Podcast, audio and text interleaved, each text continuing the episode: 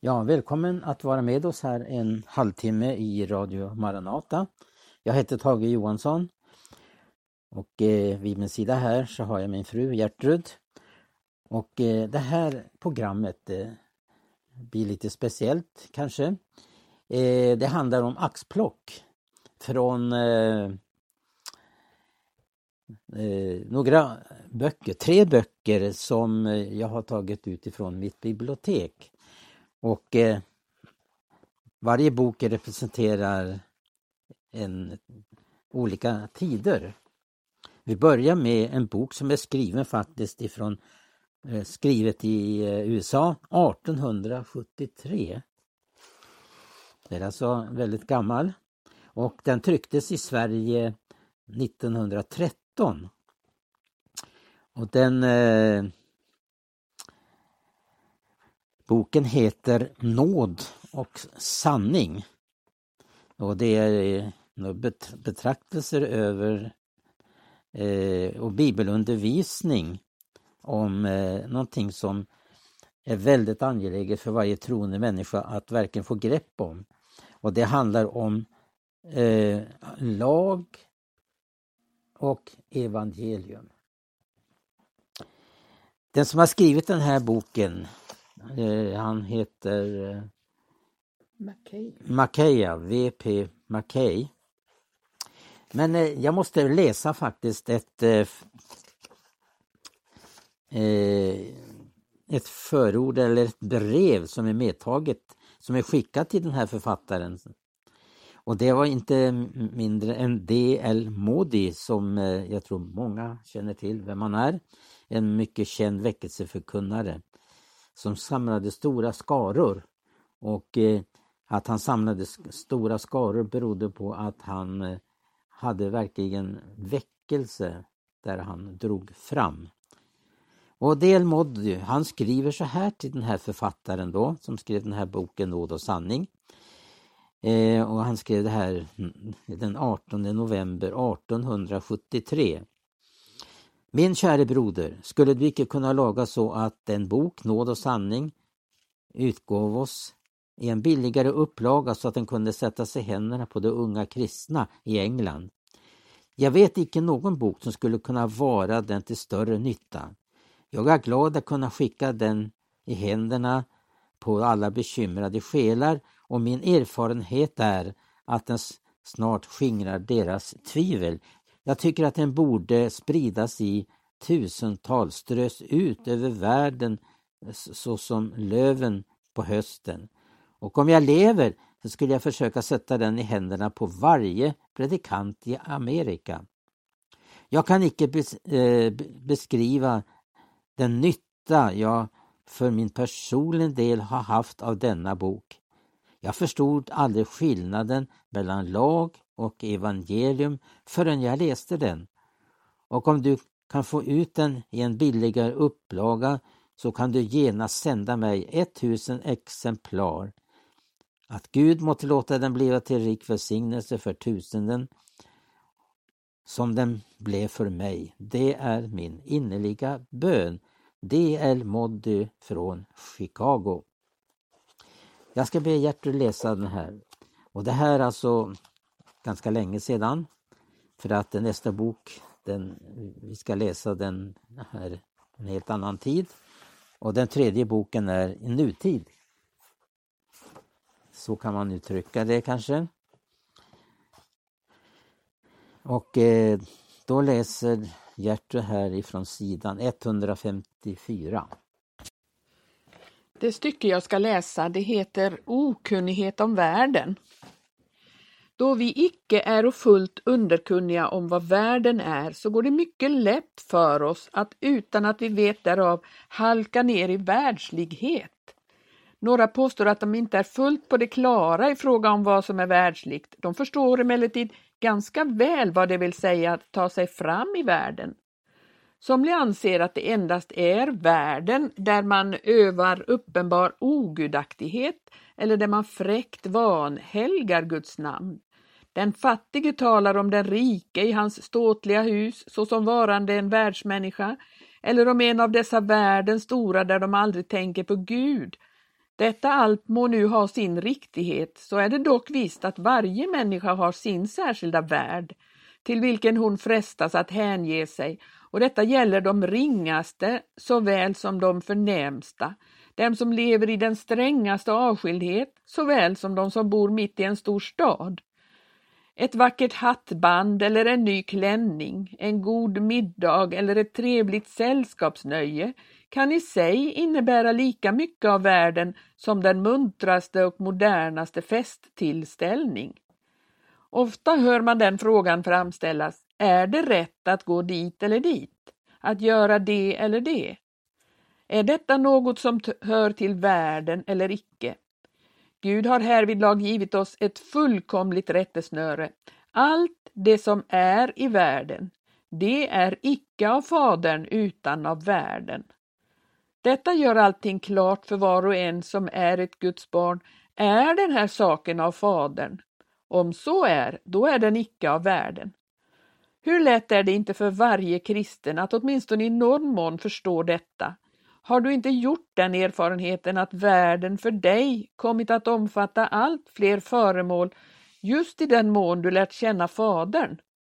Under benämningen världen hänför vi nu en mängd saker som vi då vi började vårt kristliga liv icke höll för världsliga.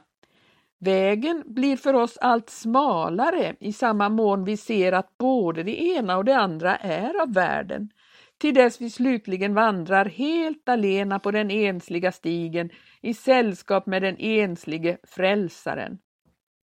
Min medkristen, är det icke vissa saker, vilka du nu i detta år betraktar såsom varande av världen, dem du förlidet år icke betraktade så? Har du på detta sätt lärt känna Fadern? Månne väl det är ett tecken till att Fadern blir mera känd då vi hör talas om hur sådana som bekänner sig vara kristna, ja till och med sådana som är diakoner, äldste, pastorer, kunna delta i världsliga samkväm, bevista munterhetstillställningar och dansnöjen. Nå, vad ligger där i för ont, frågar här mången. Framställ då du inträder i dessa lustiga samkväm den frågan, är detta av Fadern?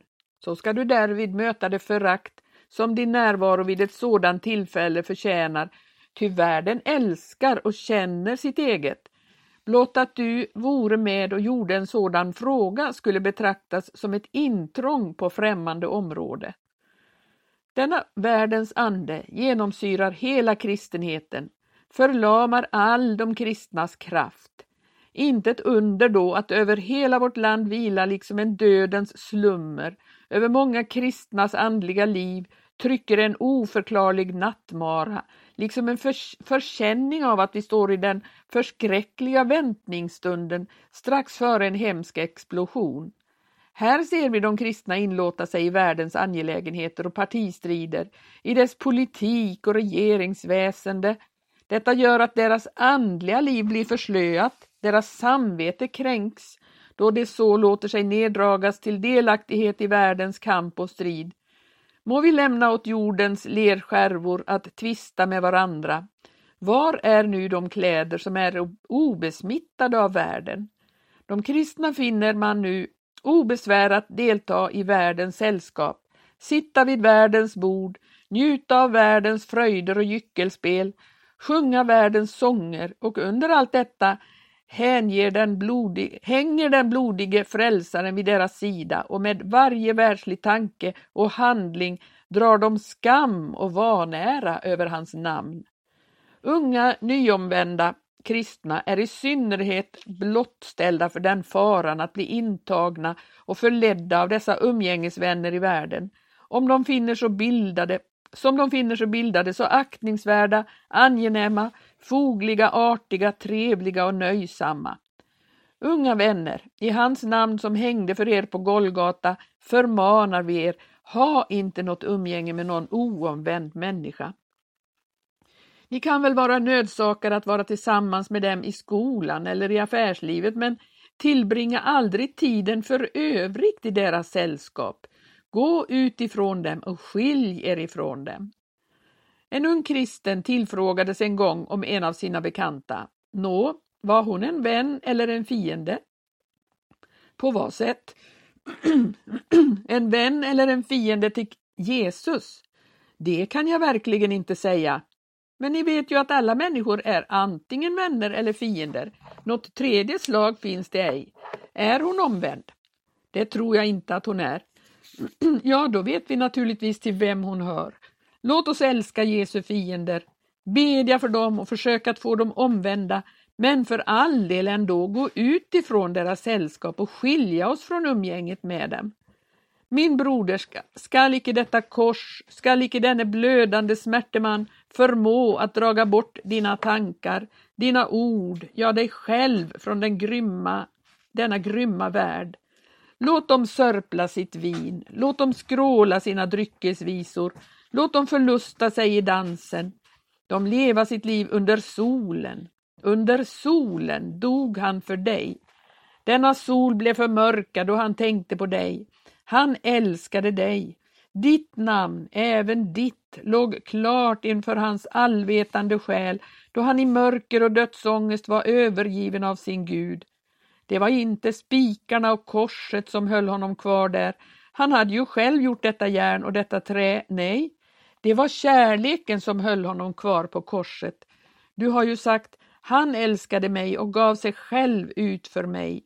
Hans kors, hans grav skiljer dig från världen, lika som de skiljer dig från dina synder. Besinnar du verkligen att varje oomvänd människa inför din Herre räknas så som en mördare, att världen trycks av den anklagelsen att ha mördat Guds lamm? I detta land och i detta ögonblick är det svårt att upptäcka skillnaden mellan församlingen och världen. Världen som är av jorden, jordisk, har sagt till församlingen, Lammets brud som är av himmelen, himmelsk. Kom ner till mig något lite så vill jag höja mig upp något lite till dig så kunna vi skaka hand med varandra och komma överens.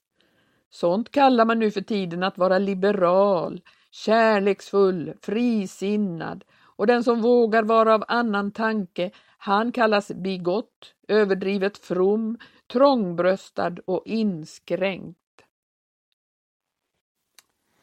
Ja, det här var eh, något av innehållet i den här boken eh, Nåd och sanning.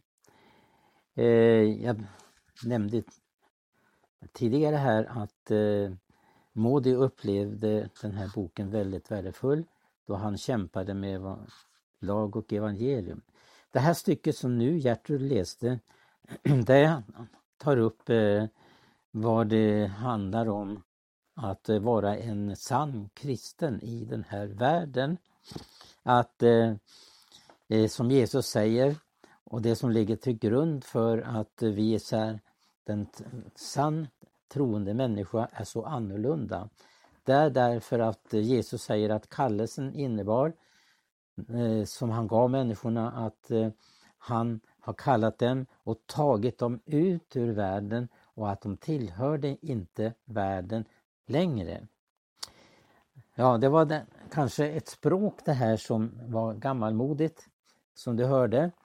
För boken som jag sa här i början, den kom ut i USA 1870 och trycktes i Sverige 1913.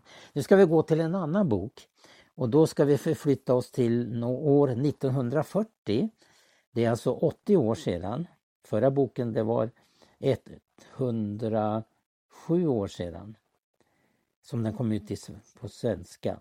Det här är tryckt för 80 år sedan och ganska känd både förkunnare och författare, G. Dahl. Och den boken är skriven med tanke på att eh, det närmar sig med, e, med tanke på tidstecknen Jesu tillkommelse. Och han tar upp i ett kapitel i den här boken om, eh, om eh, vad Uppenbarelseboken säger om världsnöden.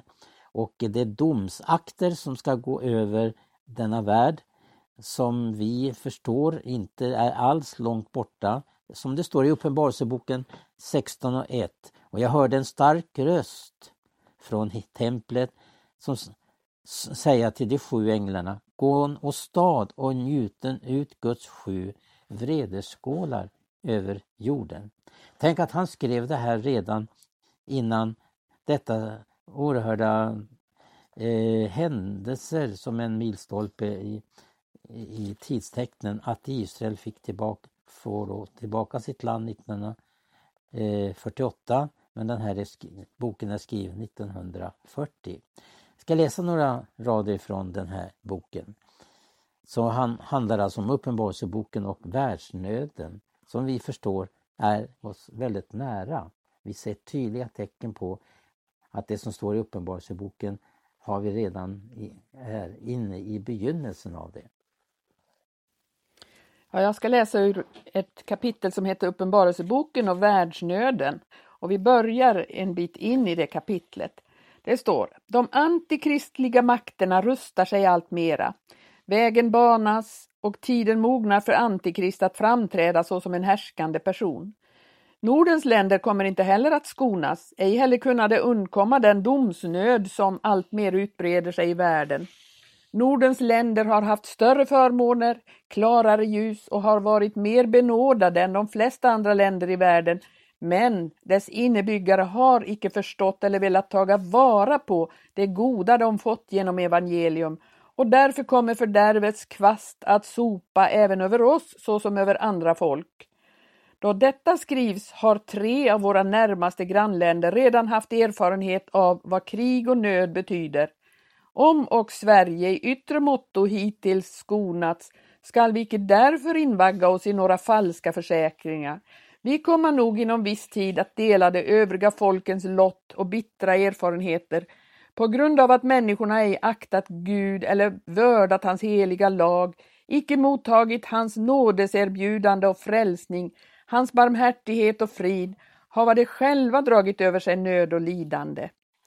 De människor vilka sinnen och hjärtan är öppna för Gud får understundom tydliga förnimmelser av hur allt liksom sammandrar sig till de sista och avgörande drabbningarna, bolsjevism och nation, nationalsocialism, vilka förr med all kraft bekämpat varandra, har nu enats och de söker att räcka varandra handen för att åstadkomma skräckstämning i hela världen och med våld och makt tvinga det ena landet och folket efter det andra in under sina tunga och hårda spiror.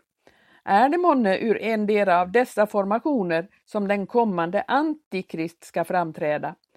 Uppenbarelseboken kan ge oss mycket ljus över de stora världshändelser som vi befinner oss ute i och det som ännu kommer. Den boken skönmålar ej de tider då Satans makt är stor. Den säger ej, så som så många falska profeter förkunnat i denna tid, att världen skulle bli allt bättre och bättre. Hur många sådana rosiga drömmar har ej nu försvunnit? De har följts av det bistra allvar de fruktansvärda händelser som nu kommer mycket tätt på varandra. Uppenbarelseboken talar om krig och folkslaktning som blir större än någonsin. På ett ställe säger Johannes att förstörelsens makter fick gå ut över fjärdedelen av jorden. Uppenbarelseboken 6 och 8. På ett annat ställe säger han att, ett av de, att av de tre plågorna av elden, röken och svavlet dödades tredjedelen av människorna, Uppenbarelseboken 9, 13-18. Detta är icke något motsägande utan det senare stället utgör en beskrivning på hur den ena domsnöden fortsätter där den föregående utfört sin bestämmelse. Vi bör lägga märke till att det är sju insegel som brytes, det är sju olika domsänglar som blåser i sina basuner och sju olika vredeskålar som kommer att utgjutas över världen. Nej. Ja, det här var eh, från boken som är skriven av G. Dahl, känd förkunnare i det här landet på den tiden. Uppenbarelseboken, Världsnöden och framtiden hette boken. Vi ska gå till en annan bok. Då flyttar vi oss till den här tiden. Och den är utgiven eh, på Sjöbergs förlag. Men den utkom då i USA 2013 och det är David Wilkerson, känd för oss alla. Eh, och i Sverige kom den ut eh, 2016. David Wilkerson gjorde en mycket intressant upplevelse en djupgående andlig erfarenhet som skildras i det här eh, boken Det är fullbordat. Och vi ska hinna med några rader från den boken också. Jag ska läsa ett stycke i den eh, av eh, fjärde kapitlet. Det heter en underrubrik Lärdomar från djupet. Jag har längtat efter att förstå det nya förbundet i många år. Jag anade att sanningen som i dessa sista dagar av ojämförligt moraliskt förfall kan befria en syndbunden församling fanns just där. Jag sökte ivrigt och grundligt efter denna sanning och läste alla böcker jag kunde hitta i ämnet, men det jag kom över var alltför tekniska och mystiska. Jag ville se och uppleva kraften i det nya förbundet i mitt eget liv. Om det verkligen innehöll den hemliga kraften över syndens välde måste det fungera praktiskt i min egen kamp för att bevara hjärtats renhet. Jag sa till Gud att om det inte fungerade i mitt eget liv skulle jag aldrig kunna predika om det för andra. Så jag gav Herren mitt liv och min tjänst som ett slags andligt laboratorium där jag kunde testa och pröva allt detta som han visade mig. Nu kan jag säga att den uppenbarelse om det nya förbundet som han gav mig har varit den mest livgivande sanning jag någonsin har hört eller upplevt. En sanning som bröt udden av synden i mitt liv. Under många år, från den dag då Gud lovade att uppenbara sanningen i det nya förbundet för mig, hade jag bett Herre, när kommer du att öppna upp innebörden i detta för mig? Han svarade, innan du kan förstå det måste du erfara korset. Läran om det nya förbundet och din förståelse av det kommer endast efter att du har gått igenom denna process det innebär att ta upp sitt kors och dö från allt som är av dig själv. Jag tror inte att vi riktigt kan förstå det nya förbundet förrän vi har gått ner i djupen av vad det innebär att dö med Kristus. Jag har alltid känt till detaljerna kring Kristi kors. Ända sedan jag var ung predikant har jag predikat korset i målande bilder. Jag talade med stort allvar kring Jesus sorg när han hörde Petrus förnekelse. Törnekronan som pressades in i hans huvud, människorna som hånade, folkskarans spott och spe, spikarna som trängde genom hans händer, spjutet i hans sida. Jag predikade passionerat och tog med folket från Judas kyss i Getsemane till det sista ropet ”Det är fullbordat”. Men alla dessa detaljer, inklusive det som hände på Golgata, ger oss inte korsets djupaste innebörd. De flesta av oss känner till vad som hände rent fysiskt på Golgata, men få har erfarit och förstått den verkliga andliga innebörden av Jesu korsfästelse och än mindre vårt personliga kors och vad det innebär att dö med honom. Jesus hade stora folkskaror som följde honom överallt han gick. Vid ett tillfälle stannade han plötsligt, vände sig om till massorna och sa Den som inte bär sitt kors och följer mig kan inte vara min lärjunge. Många troende har hört den här frasen under hela sitt liv. Ta upp ditt kors och följ mig. Vi läser Jesu ord. Den som inte tar sitt kors och följer mig är mig inte värdig. Och om någon vill följa mig ska han förneka sig själv och ta sitt kors på sig och följa mig. Sen sa Paulus, för min del vill jag aldrig berömma mig av något annat än vår Herre Jesu Kristi kors, genom vilket världen är korsfäst för mig och jag för världen. Så här är det, jag kan inte vara Jesu lärjunge om jag inte tar upp mitt kors. Jag kan inte lyda honom om det inte sker genom korsets väg. Jag är inte värdig att vara hans barn om jag inte omfamnar korset. Jag är kallad att ha min ära i korset. Men hur kan jag ta upp korset, omfamna det om, och välkomna det om jag inte vet vad det innebär? Ja, det här var ifrån boken Det är fullbordat. Men jag ska också läsa underrubriken. Den säger verkligen vad boken eh, har för budskap och som blev en erfarenhet i David Wilkersons liv. Alltså boken då, Det är fullbordat. Underrubriken lyder så här. Hur du från en bestån, hur du får en bestående seger över synd. Jag tar det en gång till. Hur du får en bestående seger över synd. Det här var dyrbara erfarenheter som vår käre broder David fick vara med om. Och det skedde först i slutet av hans eh, livsgärning. Och det är så att kampen är intensiv för oss om vi inte överger allt åt Jesus och får göra den här erfarenheten. Det här var några axplock ifrån mitt bibliotek. Tre böcker ifrån helt skilda tider. Från 1800-talets slut, från 1940 och ifrån eh, 2016. Vi återkommer onsdag morgon igen. Från oss här, Gertrud och Tage Johansson. Vi önskar dig Guds välsignelse på återhörande.